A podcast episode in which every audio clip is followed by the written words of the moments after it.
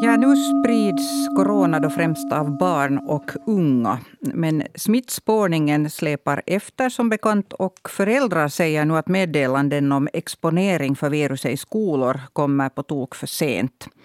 Vem är det riktigt som styr den här eh, kampen mot corona i just skolorna och bland de här barnen och, och unga? Det ska vi diskutera här i Slaget efter tolv idag.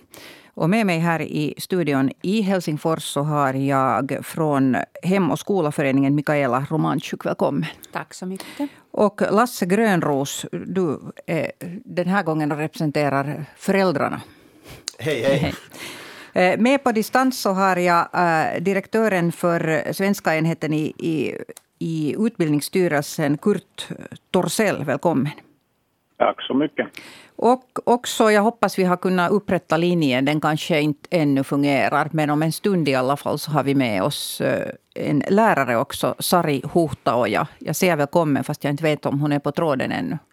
Nej, tydligen inte. De håller på att upprätta kontakten till Sari Huhtaoja som är lärare för lågstadieelever. Men, men vi börjar med att, att liksom klarlägga själva problemet. Jag såg, Lasse Grönros, att du åtminstone på, på ett social media-forum hade, hade lite lättat på trycket där och menade att, att det inte riktigt det är inte riktigt bra nu, den här informationen som kommer. Att det, ni får inte riktigt veta i tid vad som är på gång. Kan du, kan du förklara problemet? Så ja. Sociala medier är inte bra till så hemskt mycket, men ibland är de nyttiga. Mm. Och alltså, jag har två barn som går i lågstadieskola här i Helsingfors och, och dottern går då på en sammansatt klass, hon går på fyran. Och det uppdagades då via sociala medier där en förälder meddelade att, att det var en elev som var, hade insjuknat i corona här i början av veckan. Det betyder att uh, dottern hade varit en dag i samma skola och väldigt kort tid i samma klass eftersom det är liksom sammansatt klass. Mm. där. Uh, sen började ju alla föräldrar fundera och, och, och vad det där, vem är det och vad är det på, på gång? Det kom inget besked från skolan överhuvudtaget. Då borde man ha satt klassen i karantän genast. Igår kväll kom det officiella beskedet att den här klassen ska sättas i karantän. Det, det är sex dagar för sent. Under den här tiden så har, har ganska många insjuknat i den här klassen. Eh, alla föräldrar finns ju inte i de här WhatsApp-grupperna och mm. Facebook-grupperna så det fanns sådana som hade fört, fört barnen till skolan på, på torsdag som sen sa att de skulle aldrig ha gjort det om de skulle ha vetat att det att det var en exponering i klassen. Vi gjorde så, så att, att eh, dottern fick vara hemma torsdag, fredag i, i frivillig karantän det där.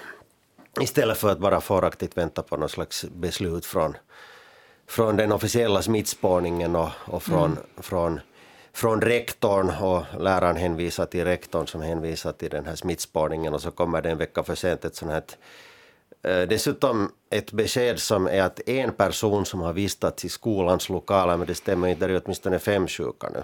Mm. Tror jag, men jag vet att de är många, kanske mm. ännu fler.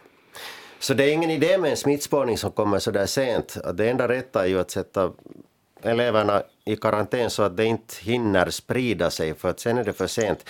För sen vet jag ju också om det att, eh, att av de här sjuka barnen, de har syskon, och de syskonen går i vår yngre pojkes klass och mm. i eftis och så delar man samma lokaler. Så det är inte så jätteroligt, speciellt inte så framför julen. Mm. Men alltså eh, problemet är från början det att ni föräldrar visste om att det fanns en som var, var då sjuk. Och ni visste om det i god tid egentligen? Vi visste om det i god ja. tid, ja, eftersom, eftersom de föräldrarna tacknämligt omedelbart meddelade, och det har alla andra föräldrar också meddelat mm. genast när de har har fått de här beskeden att, att de har tagit mm. tester och, och så vidare. Men, men, men, vänta, ska vi, ska vi pausa där och då ska vi mm. fråga, för nu, nu vet jag att jag har, har det där skolläraren eh, Sari Huhtoja med också. Eh, välkommen Sari. Tack. Ja, du, nu hörs du. Vi hade lite tekniska problem med att få in dig. Jag, jag bara, eh, nu missade du säkert, eftersom du kanske inte kunde lyssna på det som Lasse Grönros här berättade om situationen i deras skola, att, att hur, hur långsamt den här ja. informationen kommer. Men att alltså sex dagar efter att exponering har skett, så då kom det ett meddelande om att hej, att nu ska hela klassen vara i karantän. Men han sa att, att sex dagar är på tok för sent. Men, men eh, då sa han att, att föräldrar själv tacknämligt har meddelat att nu har vår eh, pojke eller flicka nu haft, eh, har corona och själv alltså ta i kontakt med andra föräldrar. Eh, vad säger du som lärare om en sån här tillvägagångssätt? Att helt enkelt föräldrarna tar saken i egna händer? Ja, det har varit i vår skola också så att, att föräldrarna har, har meddelat varandra och, mm. och så här. Men att nu pratar jag med min rektor just här för en halvtimme sedan och nu har det ju kommit en förändring att, att rektorn får meddela innan det här beskedet kommer. Att han får meddela direkt när, när han får veta eller, eller klassläraren har berättat att nu, nu är en av eleverna insjuknat eller, eller får från något annat, från andra vägar höra så, så får rektorn omedelbart meddela, inte namn men klass det skulle försnabba den här processen betydligt. Ja, och det, och det har det gjort också att vi, vi har nu haft några fall att rektorn har omedelbart kontaktat eller skickat meddelande till hela, alltså till hela skolan och också till, till föräldrarna i, i klassen i fråga. Men att det har nu varit helt nyligen det här att tror, ja. tror att det var förra veckan eller, eller veckan där innan.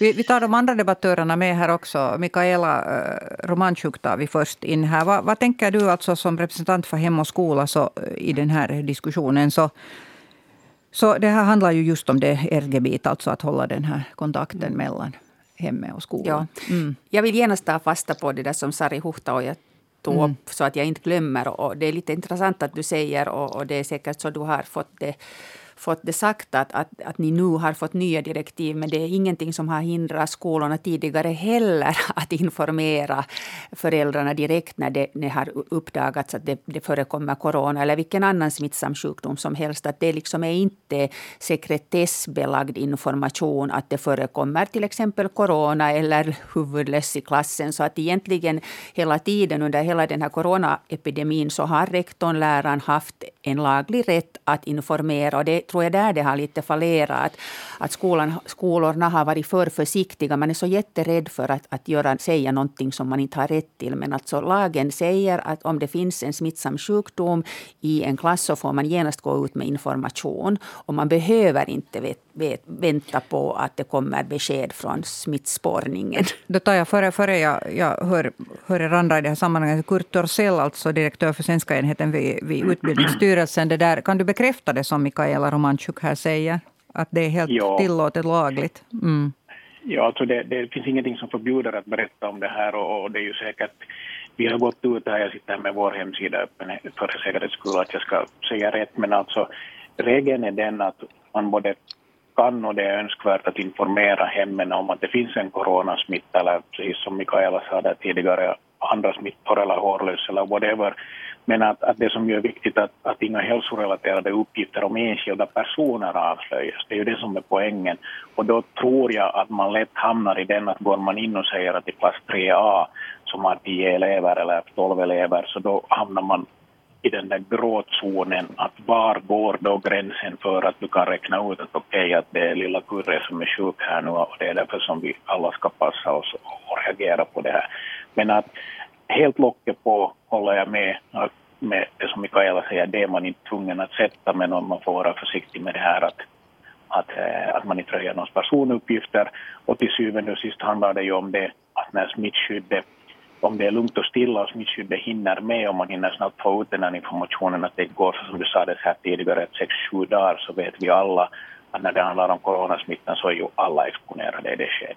Mm. Det är ju där som det klickar. Mikaela Romanchuk-Baumord. Ja, jag upplever att man har gjort det lite onödigt komplicerat det här. Därför för att som det nu kom fram här så har ju föräldrarna helt, tycker jag, på ett vettigt sätt vad heter det, i sådana här WhatsApp-grupper meddelat vem som har smittan. Och jag tycker att, att det som skolan borde göra nu är att man skulle vädja till föräldrarna och säga att genast när ni får ett positivt covid-svar så var vänliga och meddela oss om vi får gå ut och säga att nu har Kalle i årskurs 4A fått en smitta.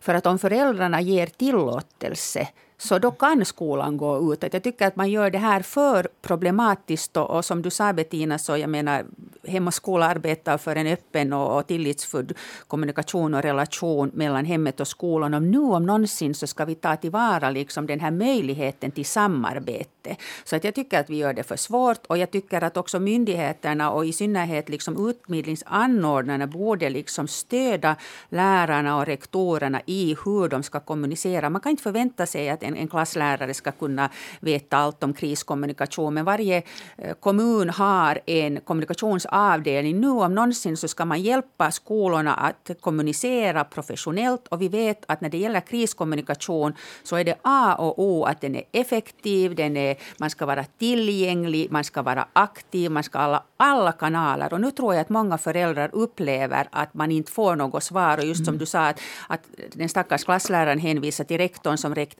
hänvisar till några myndigheter. Och då uppstår missnöje, oro. Att jag tycker att, att, att det här är oprofessionellt skett och man kunde sköta det ganska bra. Eh, eh, Lasse Grönros. Jag måste nog fråga, att, hur är det möjligt? Den här coronan har hållit på ganska länge redan.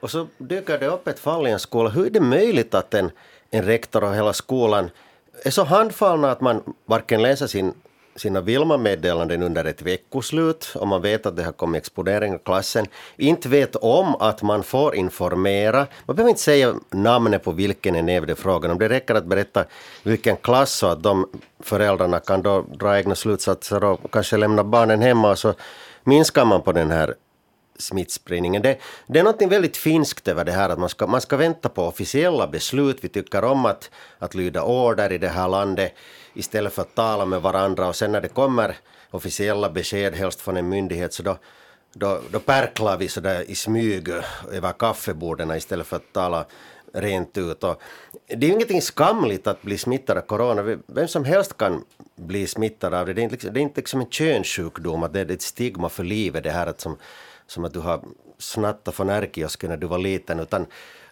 det, det är ett virus som sprider sig. Man kan inte göra så mycket åt det annat än att vidta de bästa försiktighetsåtgärderna som man nu kan ha. Men, men hur är det möjligt att, att man inte vet om det här just i den här skolan som jag råkar ha barnen i? Mm. Det, det, är underligt. Jag, jag ska understryka här att det är inte, du har inte eh, dina barn i den skola där Sari Huhtaja fungerar som lärare. Men, men jag skulle gärna höra din kommentar, Sari Huhtaja, till det här som sades här. Att, att eh, det är svårt för lärare att, att veta helt enkelt. Hur upplever du det?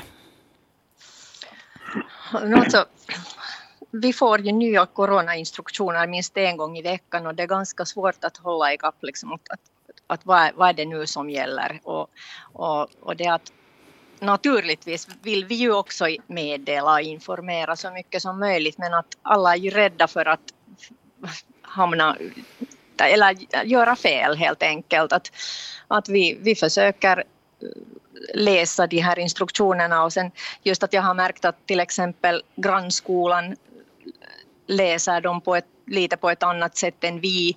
Att, att till exempel om det finns en regel att okej okay, att vad ska jag nu säga, eh, man, man får sjunga eh, men man måste vädra efteråt och sen, sen försöker man fundera att ja, ska man sen använda munskydd när man sjunger eller inte eller, eller sen om det är självständighetsdans så kan man bjuda in föräldrar, får man får man kolla på coronapasset eller inte och har man rätt till det. Och, och sen gör man fel så, så det är ju helt klart att då får man nog omedelbart veta att man har gjort fel. Att det, det är inte så lätt att man bara liksom informerar och meddelar och struntar i regler. Att, att måste man ju liksom mm, skola, skola är skola, att vi måste göra som, som ja, som reglerna säger. Eh, och de ändras ju hela tiden. Att det, det är jättesvårt. Att det som gällde förra veckan gäller inte idag. Och sen, sen blir det ju missförstånd och sen meddelar vi att ja, nu är det så här och sen meddelar vi efter några dagar att nu är det inte längre så här. Och det är ju klart att föräldrarna blir sura och, och sen jämför de, de har kanske barn i en annan skola som gör på ett annat sätt och vi gör på ett annat sätt och, och att jaha, då är, det, då är det ni som är bara liksom försöker vara svåra. Mm. Nu, nu, vill alla, alla, prata här i studion. Jag tippar på att Kurt Torssell också vill det. Du får alldeles mm. just ordet, Kurt Torssell. Men först bara Mikaela Romanchuk här om, om ordet och sen Lasse Grönros och, och det där sen, sen Kurt Torssell. Varsågod, Mikaela. Jag förstår jättebra mm. den här frustrationen som Sari här ger uttryck från och, och som jag har hört många lärare och rektorer känna. Så att det, det, är en utmanande situation och därför säger jag nog att, att det här huvudansvaret tycker jag ligger hos utbildningsanordnaren, det vill säga kommunen borde ge tydliga direktiv. Lite en sån här tiostegs att gör så här. Men, men ännu vill jag säga att, att den här liksom personliga kommunikationen från den enskilda skolan är också viktig. Och jag har själv som mamma märkt att åtminstone mitt barns skolas rektor kanske är lite försiktig och komma med liksom de här egna orden och formuleringarna. Att man liksom hänvisar till någon högre myndighet myndighet. Och jag tror att det är lite en sån här rädslans kultur, att man är så jätterädd för att yppa någonting som man inte får. Och det tycker jag att vi borde komma ifrån. Att det skulle vara jätteviktigt att, att varje skola skulle kommunicera liksom på ett lättfattligt och liksom personligt sätt. Att så här är det i vår skola. Jag tror att, att om man kommunicerar det tydligt så tror jag att föräldrar också kan acceptera det här. Att, att det är lite olika på olika tegelbruk. Men kommunikationen så ska vara liksom aktiv och den ska vara liksom alltid ett steg före. Så att föräldrarna liksom vet att okej, okay, att om mitt barn blir exponerad, vad gäller? Men nu märker jag att många föräldrar inte överhuvudtaget vet. Nej, de vet inte. Det, det, har jag fått feedback från andra föräldrar än Lasse Grönros också. Varsågod. Ja, jag, jag tror att jag vet vad mm. Greta Thunberg skulle säga om det här officiella. Ja. Det börjar på B och innehåller tre stycken ord som alla är identiska. Um, det här beskedet som vi fick igår kväll Uh, Han syftar på bla bla bla.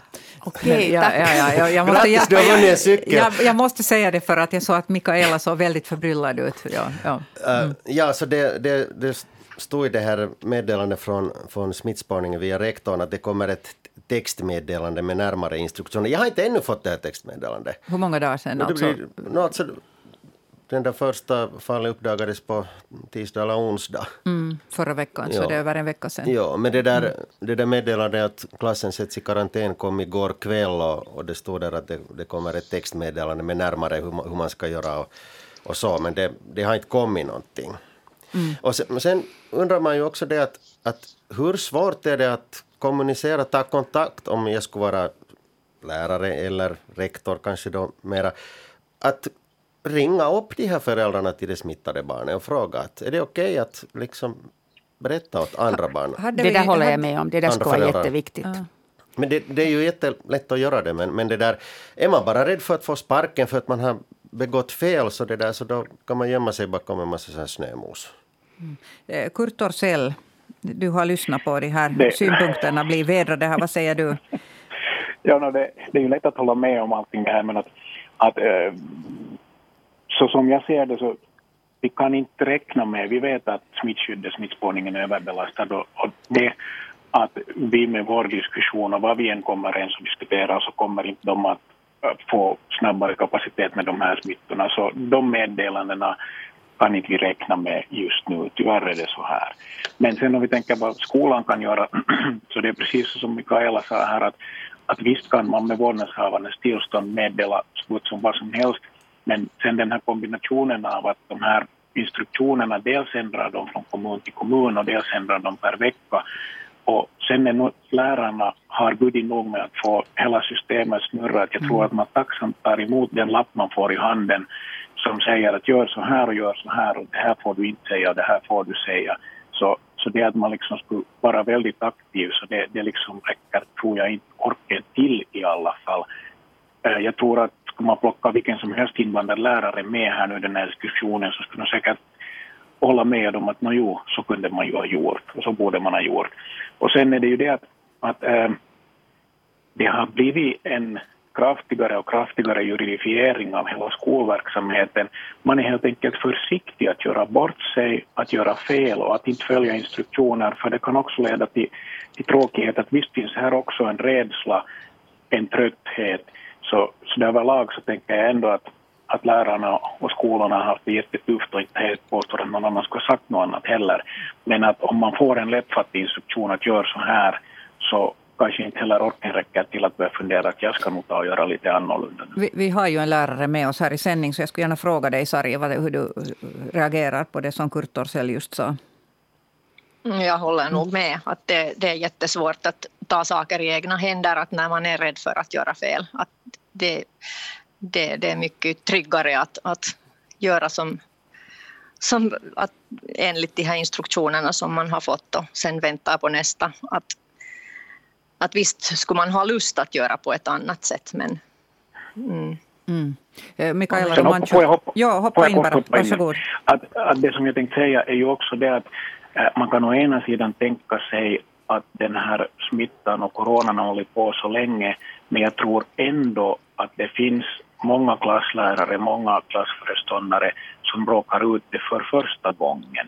Fast det har varit tiotals, tiotals, hundratals smittor runt om i våra kommuner så behöver det inte betyda att just lärare A har behandlat de här sakerna flera gånger. Att jag tror att få har riktigt fått sådana väldigt utvecklade rutiner att okej, okay, att nu ska jag utveckla det. För så är det ju också med system som inte fungerar så börjar man ju fundera på hur borde vi få dem att fungera efter varje gång man har varit med om det. Och inte man nödvändigtvis så rysligt erfarenhet att när man har haft två, tre, fem, tio smittor per hus, så det är ändå inte så våldsamma volymer. Mm. Mikaela Romanchuk. Ja, jag tänkte bara kommentera det där som Kurt sa, att det stämmer att det just nu i den här situationen är ju folk ganska trötta och det gäller både föräldrar och lärare och precis alla i samhället. Så att jag förstår att just nu känns det kanske liksom jobbigt att få höra att man kunde göra det på ett annat sätt. Men jag tänker att, att när det gäller just kommunikation och vad som är sekretessbelagt och offentligt när du frågar Janne, var det Janne? Lasse. Lasse, förlåt. Lasse. Mm. Lasse det där, att, att, att hur är det möjligt att inte lärare vet? Och, och det är nog lite konstigt att, att det det finns en ganska stor okunskap, och det säger jag dig också Kurre, att, att bland lärare vad som är offentlig information och vad som är sekretessbelagd. Och när man inte känner sig trygg i det här som lärare så väljer de flesta att vara extra försiktiga för att inte yppa något i misstag som de inte får. Och det är inte liksom kärnfysik och vi har på Hem och skola gett ut ett material som heter Hemligt eller inte. Så jag hoppas att till exempel Utbildningsstyrelsen och kommunerna och utbildningsanordnarna faktiskt skulle liksom ge lärare handledning och utbildning i det här. För att, att jag tycker att, att jag ser här att det här är ett av de största problemen nu. Att det finns så mycket okunskap kring vad man får och vad man inte får kommunicera. Mm. Jag måste faktiskt här inflika en sådan sak. att Jag hade ett samtal med, med Sari Huhtaja igår om det här redan. Och, och, då tog hon upp, eller då tog du Sari upp också en sån sak att också lärarnas alltså ställning här i, i egenskap av en person som blir utsatt för smitta. Att det är ju inte bara de här heller, så de blir också utsatta för den här smittan i klassen. Och, och du hade Sari ganska hårresande exempel på det också. den här eh, att inte har du heller fått något meddelanden fast du har suttit bredvid någon elev flera timmar som sen har testat positivt samma dag. Ja, ja. eller mm. fast jag har fått veta, veta så, så blir jag ju inte i karantän. Att, att när, fast jag har varit i samma rum i två timmar och satt bredvid en, en, en smittad elev så, så händer det ingenting. Att, att jag får bara fortsätta jobba och, och sen se att, eller hoppas att ingenting händer och, och så här att in, inga instruktioner att, att om jag behöver gå och testa mig eller inte, vilket jag förstås har gjort. Men att sen tidigare var, ju sen, var det på ett annat sätt. Och till exempel förra sportlovet så satt jag vid kaffebordet i Ekenäs hos min mamma som är över 70 och då satt jag där och knäppte på min telefon och råkade öppna Vilma och så hade det just kommit ett meddelande och enligt det hade jag tre dagar kvar av min karantän så att jag hade då Liksom, som du aldrig hade blivit, alltså du hade aldrig blivit satt mm. i karantän, du visste inte nej, ens om nej, det? Ja. Nej, och sen det, förra, förra gången, eller, så då, då var det liksom att jag fick veta två veckor efteråt att min karantän tog slut för en vecka sedan. Att då hade jag bara varit i skolan och jobbat för fullt och, kanske smittat människor, jag vet inte, hoppas inte, men, men det där, ja, att det har varit lite så, så nu senast när det hände förra veckan så, så då visste jag faktiskt inte att, att hur, hur, hur, är min, hur ser min situation ut. Att, att nu har jag varit här i samma klassrum med den här eleven men att sen fick jag ju sen bara ta reda på att ja, att okej, okay, jag fick reda på att ja, att det påverkar inte mig eftersom jag är lärare och blir inte smittad. Jaha. Så, ja. Det var en intressant... Alltså det här var för mig ett fullständigt... Jag trodde alltid att om en klass blir satt i karantän att det skulle inkludera på något sätt läraren som har jobbat där i klassen. Men, no, men här, om man är dubbelvaccinerad och använder mm, munskydd så, okay. så då Kurt Torssell, jag skulle gärna höra din kommentar på det här. Alltså en lärare ska också ta reda sig på Vilma mitt i allt att inte karantän tog slut för en vecka sedan och har inte liksom ens vetat om att den är satt i karantän. Alltså i regel går det ju då när det fungerar som det ska så är ju smittskyddet i kontakt med skolan och ser att, att går igenom med rektor eller den som har ansvar för det här att de här och de här, de här har rört sig, att Kalle Knopp har rört sig med den här gruppen, att de hör till de som vi bör ta kontakt med. För skolan vet ju inte heller om vem som är dubbelvaccinerad och inte vaccinerad, utan det är ju sånt som hälsovårdsmyndigheterna kan checka upp när de får från skolan en lista att de här är de som har blivit exponerade enligt skolans uppfattning och så tar de sen till kontakt med, med dem då när det fungerar. Men när vi vet att det här tidsglappet inte fungerar så då ska det ju, utan att vara någon hälsovårdsmyndighetsrepresentant, så om det fungerar som det bör så ska ju listan göras upp utgående från skolgångshandledare, personal, lärare, alla som har varit blivit exponerade. Att inte ska ju läraren vara undantagen här. Jag måste nog säga när jag har hört på allt det här nu så tänker jag att jag är jätteglad att mina barn är vuxna och inte går i, går i skolan mera. För att jag tror att jag skulle bli fullständigt galen att försöka hålla ordning på det här. Det, det låter verkligt, verkligen som A, som det inte skulle funka så som det borde. Och, och, och B, som att du inte ens vet själv hur du ska göra beträffande dina egna barn. Lasse Grönros. Det är bra att det finns de här sociala medierna då, att, att, att folk kan direkt berätta åt varandra att nu är vårt barn sjukt och så vet de andra att okej, okay, att vi stannar hemma då. Skulle det vara fråga om eldsvåda om man vet att brandkåren är på strejk så kan man ju inte heller hålla på så här att ja, vi ska nog vänta lite och, och se här och å ena sidan och andra sidan och, och gardinerna brinner där bredvid. Då tenderar det att bli fart på det. Men när det är en osynlig smitta så, så är det nu lätt att bara vara extra trygg och inte, inte våga mocka så att säga. Mm. Nu kanske jag går ut på svag is, men det skulle vara bra om vi skulle ha en epidemiolog, epidemiolog här eller en läkare med mm, mig. Jag tänker att vi ska absolut. ändå komma ihåg, för att på något sätt inte nu liksom jämföra det här med eldsvåda, att trots allt så, så är den här Coviden har vi ju fått höra inte så allvarlig för barn och den smittar inte lika mycket bland barn som den smittar bland vuxna. Visserligen den här omikronen smittar hemskt mm. mycket mera. Men de, det är sällan barn blir riktigt sjuka. Det ska vi också komma ihåg. jag tror också att det är viktigt att vi liksom inte hetsar upp oss här och, gör det till liksom en, en, större katastrof än vad det är. Att de flesta barn är insjuka väldigt lindrigt. Många blir inte alls sjuka. Så att när du säger Bettina mm. att du är glad att du inte har vad heter det, något yngre barn hemma mera och det har jag inte heller. Men jag skulle nog alldeles tryggt skicka mina barn till skolan också om de skulle ha, liksom, det skulle finnas, vad heter det, covid i, i klassen. Att, att, men att där är vi också väldigt olika. Att, och sen är det ju förstås hemskt beroende på familjesituationen. Att om man sen har en släkting som är gammal eller sjuk eller vad som, som helst. Man jul med. Som man ska fira jul mm. med, så förstår jag. Och därför tänker jag att det är bra att vi kommunicerar om det här så att varje familj också kan lite tänka själv att vad är bäst just för oss i den här situationen. Lasse? Jag tänker som förälder just kanske med det här att, det, att julen är på antagande. Jag är, inte, jag är inte personligen så rädd för, att, för barnens hälsa om de skulle insjukna i, i covid-19. Men det är de här liksom ringarna på vattnet som sprider sig. Man, jag, jag är tvungen att jobba på distans nu och jag är tvungen att ha dottern hemma. Jag vet inte hur länge och, och det är jättejobbigt. Och alla kan inte vara hemma med barnen. Om du är busschaufför så kan du inte jobba på distans. Och, och det finns många sådana exempel och man kommer att träffa äldre släktingar på julen nu och, mm. och det är liksom hemskt. De här konsekvenserna blir så, de går så långt på något sätt. Mm. Av det här. Och man skulle kunna undvika det genom att liksom ringa det där ena samtalet till, till ett par föräldrar. Mm. Och därför tycker jag att det vi kan lära oss av det här är just att, att hur kan vi göra det här bättre, hur kan vi göra det effektivare. Därför skulle jag hoppas att skolorna också liksom skulle lyssna in hur föräldrarna har upplevt det här. Men också att föräldrar lyssnar in hur skolan har upplevt det. För att, att just jag har också många lärarvänner och en rektorvän som jag en söndag vi var på Åland och skulle ha trevligt tillsammans. Och hela söndagen gick hennes tid till att liksom ringa samtal som hade att göra med exponeringar i hennes skola. Att jag har också sett den sidan och det är ganska utmanande för de som jobbar nu i skolan. Mm. Eh, Kurt Torssell, eh, vilket är ditt råd till, till eh, skollärare, nu kanske här också, att, att, och, och rektorer som eventuellt lyssnar?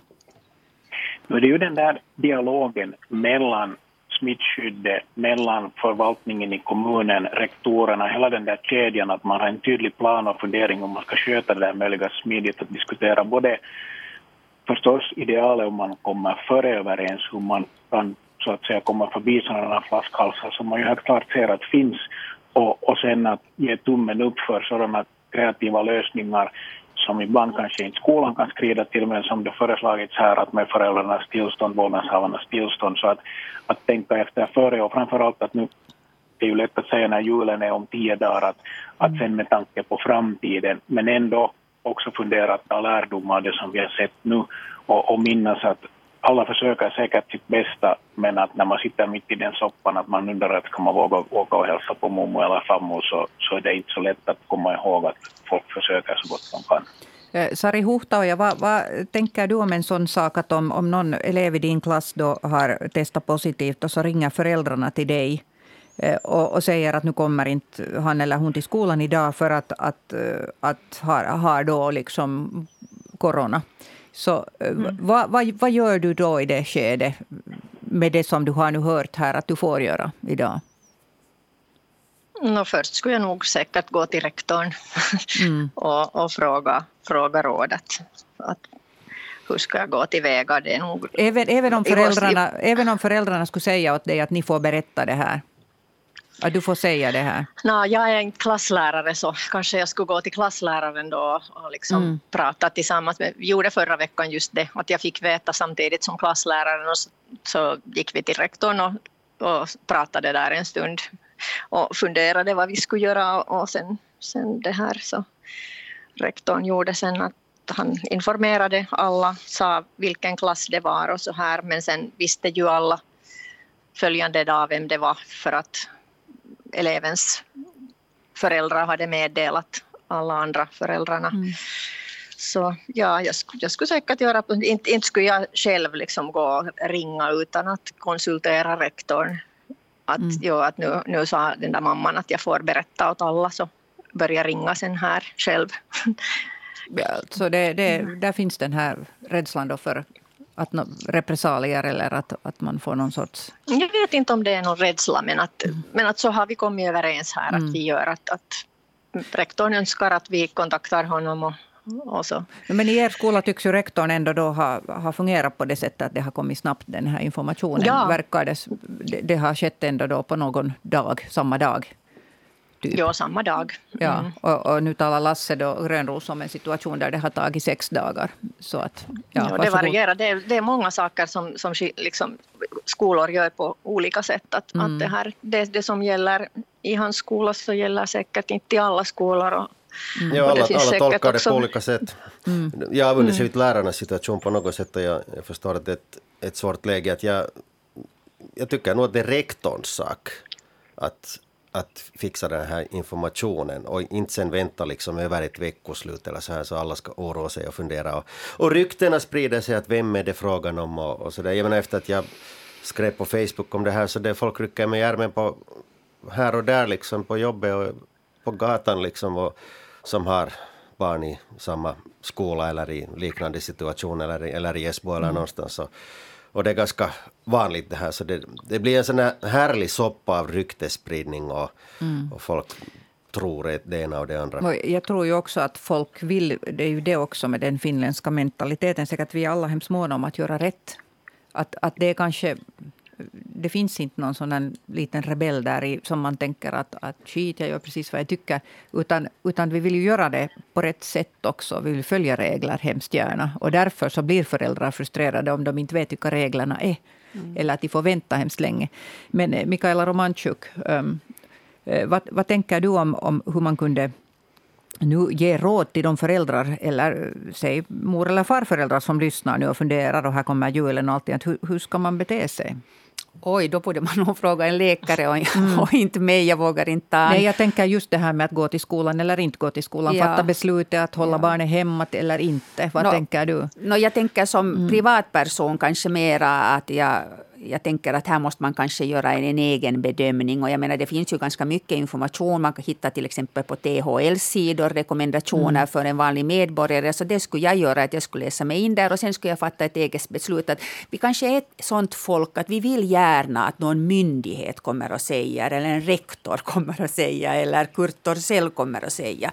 Men det finns situationer när vi också måste fatta egna beslut. Och jag tycker att det här är lite en sån sak att vi måste fatta egna beslut ut. Och det finns ganska mycket liksom rekommendationer och Mika Salminen och Jasko Järvinen blir intervjuad. Så att jag menar, lyssna på dem som är de största experterna. Men jag skulle ännu vilja komma tillbaka till den här kommunikationen. Att jag, jag, jag avundas inte skolorna när jag tänker att jag tycker att skolor om någon institution borde ha en kommunikatör anställd som skulle hjälpa dem alltid när det gäller kommunikation men i synnerhet när det gäller sån här kriskommunikation. Att, att det är ganska mycket att lägga på rektorn som annars också har sju stugor fulla i en sån här situation och till exempel måste till och med vara lite med av en, en smittspårare själv mm. för att hjälpa smittspårning. Att där hänvisar igen till utbildningsanordnaren, ha tydliga instruktioner och, och hjälp också skolorna och rektorerna att, att skriva liksom på en, en lättillgänglig svenska så att det inte är sånt här, vad heter det på svenska, byråkratspråk, kapulakieli, som bara liksom stöter föräldrarna ifrån skolan. Det, det, är ju det också, rektorer är ju inga kommunika- alltså professionella kommunikatörer, mediakunniga på det sättet. Det måste man ju också komma ihåg att det kräver ju också sitt till att kunna Precis. utforma det klart och tydligt. Eh, jag tror inte vi blir så jättemycket klokare av det här nu idag här, men jag kan säga att jag igår talade eh, igår kväll med Mika Salminen om det här, för jag ville höra vad, vad THL tänker om det här. Och han sa att, att det har nu visat sig åtminstone en sak, det var hans bestämda uppfattning, var det att det att hålla barnen på distans långa tider gör så mycket skada att han önskar mm. att, att vi aldrig skulle hamna där igen, för att det har nu visat sig att det har väldigt stora konsekvenser för barn som, som helt trillar eh, efter i undervisning. Och så sa han, och därför ville han ge det goda rådet åt folk att försöka hålla is i hatten och ta, försöka ta det lugnt nu bara. Trots frustrationen, Lasse. No, ja, det viktigaste som ja. kom fram här under den här diskussionen mm. där var ju det att det är tillåtet att det informera och berätta. Man ja. behöver inte berätta vilken exakta mm. elev det, eller människa det är frågan om. Men man mm. får berätta att nu har det spridit sig. Ja. Och här drar jag streck för den här diskussionen idag. Mikaela Romanchuk från Hem och skola, Lasse Grönros här i egenskap av förälder, eh, Kurt Torssell från Utbildningsstyrelsen, Sari Huhtaja, lärare. Tack för att ni deltog. Jag önskar er alla en, en god fortsättning på läsåret. Det finns lite kvar ännu och, hopp, och hoppas verkligen att, att det inte blir någon sån här omfattande distansundervisning igen. Eh, en ny debatt imorgon, samma tid, samma kanal. Mitt namn är Bettina Sågbom. Vi hörs senare i veckan.